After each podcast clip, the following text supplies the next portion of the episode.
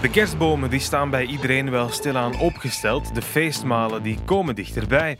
Maar elk jaar hunkert de voetbalfan toch ook naar zijn dosis kerstvoetbal. En daarvoor moet hij dit jaar opnieuw in Engeland zijn.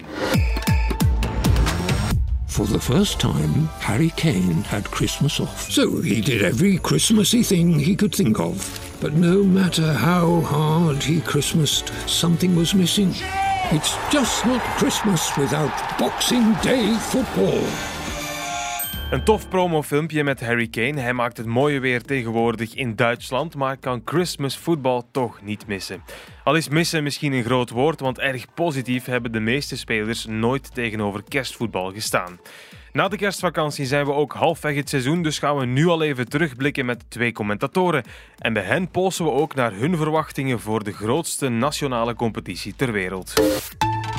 Hallo, wat een seizoenshelft hebben we daar al gezien hè, over het kanaal. Nu, wij zelf worden niet echt meer verwend met een karrevracht aan België in de Premier League.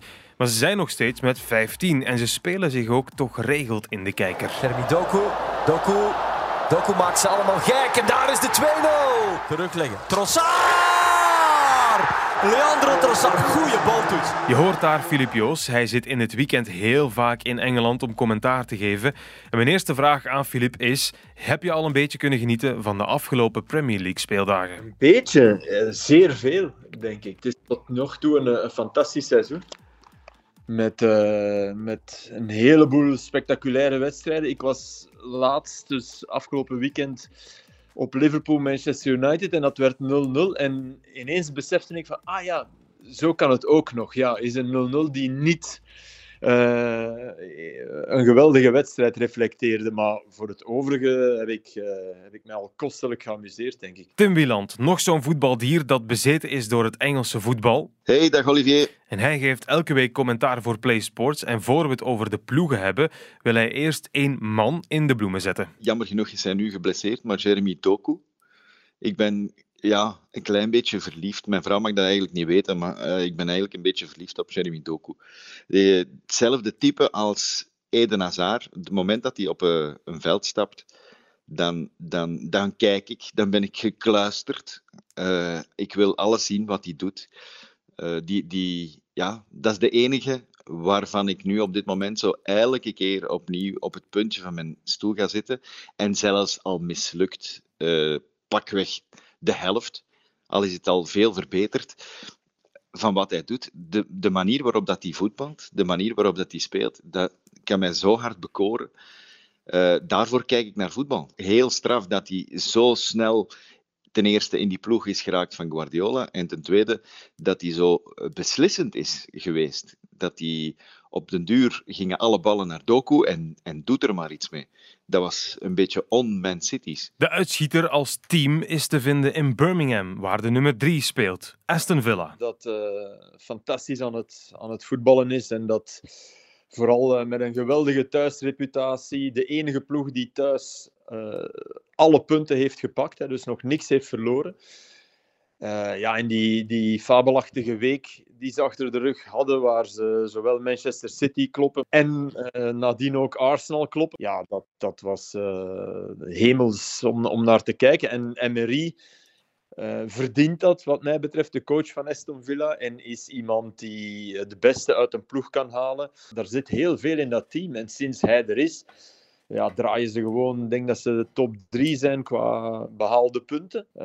Ja, dat, is, dat is fenomenaal wat daar gebeurt. En het is ook, ik ben er geweest voor de wedstrijd tegen City. Ja, je kan niet anders dan van die sfeer daar houden. Van het, ja, dat is een, een, een, een duik in het verleden. Hè. Daar, daar zijn mensen die, die van op, ik denk een straal van, wat zal het zijn, 10 kilometer, komen mensen daar naar het stadion. Daar, daar wordt niet daar is geen luchtbrug tussen China of Zuid-Korea of, of Brussel of, om naar Aston Villa te gaan kijken. Ten onrechte, maar laten we het zo houden. Ik bedoel, het is veel echter, dat, dat proef je gewoon. Dus dat is, uh, ja, dat is een, een, lust voor oog en oor. Ziezo, als mijn vrouw nog geen cadeau had voor onder de boom, een Aston Villa-ticket is blijkbaar geen slecht idee. En de kans dat we een Belg aan het werk zien is groot. Tielemans heeft de juiste keuze gemaakt. Maar dat had ik al uh, gezegd op de dag dat hij tekende. Dus daar ben ik wel blij omdat dat bewaarheid is. Omdat dat, ja, Emery is, is voor dat soort jongens een, een, een godsgeschenk. Ik vind, het, ik vind het super dat hij eh, ik vind dat we te snel zeiden, oh, Tillemans, hij speelt niet. Ja, in het begin niet, nee. Uh, minder. En uh, hij is er via invalbeurten bijgeraakt en heeft er zich ook ingeknokt, maar zeker ook ingevoetbald. in die wedstrijden tegen City en Arsenal was hij, was hij top. En ja, dat dat niet van in het begin meteen een, rode loper ging uitgerold worden naar een basisplek, dat lijkt me maar logisch. Maar zijn evolutie van, van op de bank evolueren richting basisspeler.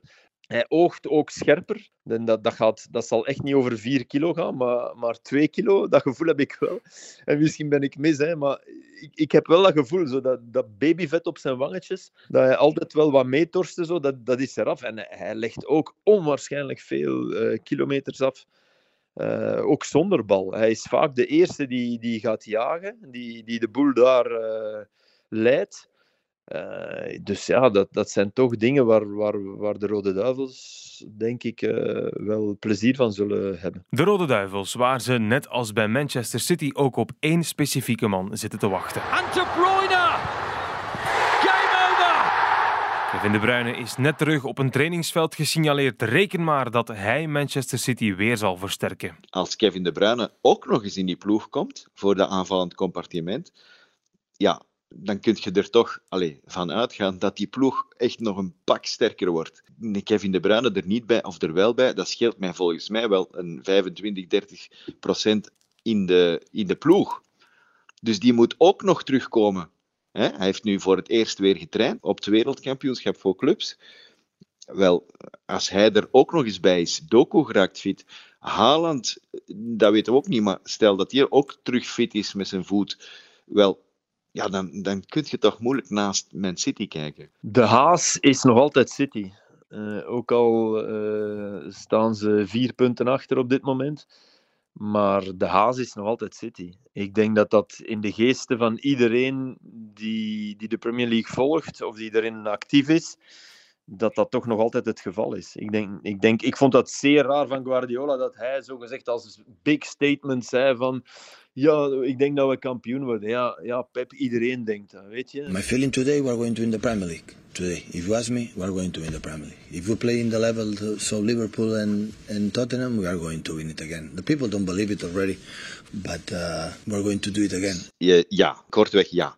En dat is heel simpel. Elk jaar opnieuw, die ploeg begint te draaien vanaf pakweg februari, maart. Dat, is, dat wordt een machine, ja, een pletwals. En die uh, rolt over alles en iedereen heen, ook in de toppers. En ze hebben na nieuwjaar meestal zo weinig puntenverlies. En wij vergeten dat soms. We denken altijd, ah ja, die zijn, die zijn kampioen, die zijn van begin tot einde zijn die, uh, leider geweest of zijn die, zijn die erover gelopen. Meestal is dat pas in het tweede deel van het seizoen. En iedereen die het vuur aan de schenen heeft gelegd van de afgelopen jaren van, van City. En dan denk ik vooral aan Liverpool. Wel, die zijn ook gestruikeld met een maximum aantal punten als tweede. Ja, oké. Man City was nog een beetje beter. Die lieten geen punten liggen. Vorig jaar lieten ze geen punten liggen. Ja, drie op een rij, dat kan niet. Een treble winnen, dat kan niet. Ja, ja, ze hebben alles gewonnen. Uh, nu is het een quadruple. Nu willen ze vier keer op rij. Wel ja, niemand heeft het al gedaan. De enige mogelijkheid is dat zij het doen. Hè. Met een fit trio, De Bruyne, Haaland, Doku, is Manchester City toch maar weer favoriet. Al was de concurrentie nog nooit zo talrijk. Momenteel staat Arsenal aan de leiding, met volgens onze kenners een beter gewapende kern dan vorig seizoen, die het ook iets langer gaat uitzingen. Je hebt Aston Villa, dat smaak maakt op plek 3. En nummer 2 Liverpool mogen we ook niet vergeten. Ik moet eerlijk zeggen, uh, ik heb hier net gezegd dat ik iets voorspeld had. Ik ga nu iets zeggen uh, wat ik niet luidop gezegd had, maar wat ik volledig anders dacht. Uh, de wedstrijd 1 was Chelsea-Liverpool, eindigde op 1-1. En ik dacht, oei, Liverpool, de problemen van vorig jaar zijn niet opgelost. Uh, en ja, Chelsea, het zou wel eens kunnen dat jullie erdoor zijn, door de, de tunnel. Ja, uh, volledig fout op, op basis van die wedstrijd. Dus uh, nee, ik, ik, ik, vond het, ik vind het echt wel knap. Het is bij momenten ook wel al echt heel goed geweest met Liverpool. Daarom ben ik ook zo blij, omdat, omdat er op dit moment het is geen one-horse race, het is geen two-horse race. Nee, ze zijn met vier. En dan hebben we het nog niet gehad over het complexloze Tottenham Hotspur. Maar we moeten verder voor ons volgende hoofdstuk. Dat is iets.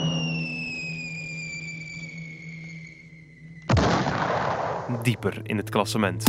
We go again. We go again. It's a tough start, tough schedule to start with, um, and we'll, we'll find our moments. Burnley FC en Vincent Compagnie, zo autoritair kampioen in de Championship, maar nu dus voorlaatste.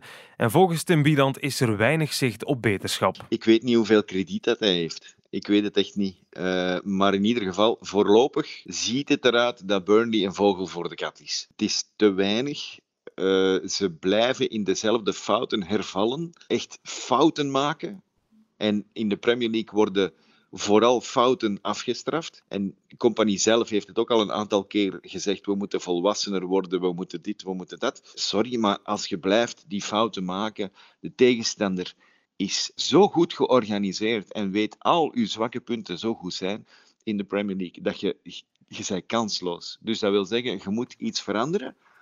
En ik denk niet dat je de fouten er kunt uithalen uh, zomaar. Ik ben benieuwd, ben benieuwd, want het is, het is wel een boeiend verhaal om naar te kijken. Net omwille van die cultuuromslag, net omwille van uh, ja, de, het soortelijk gewicht van Vincent Company, is, is dit uh, hoe dan ook.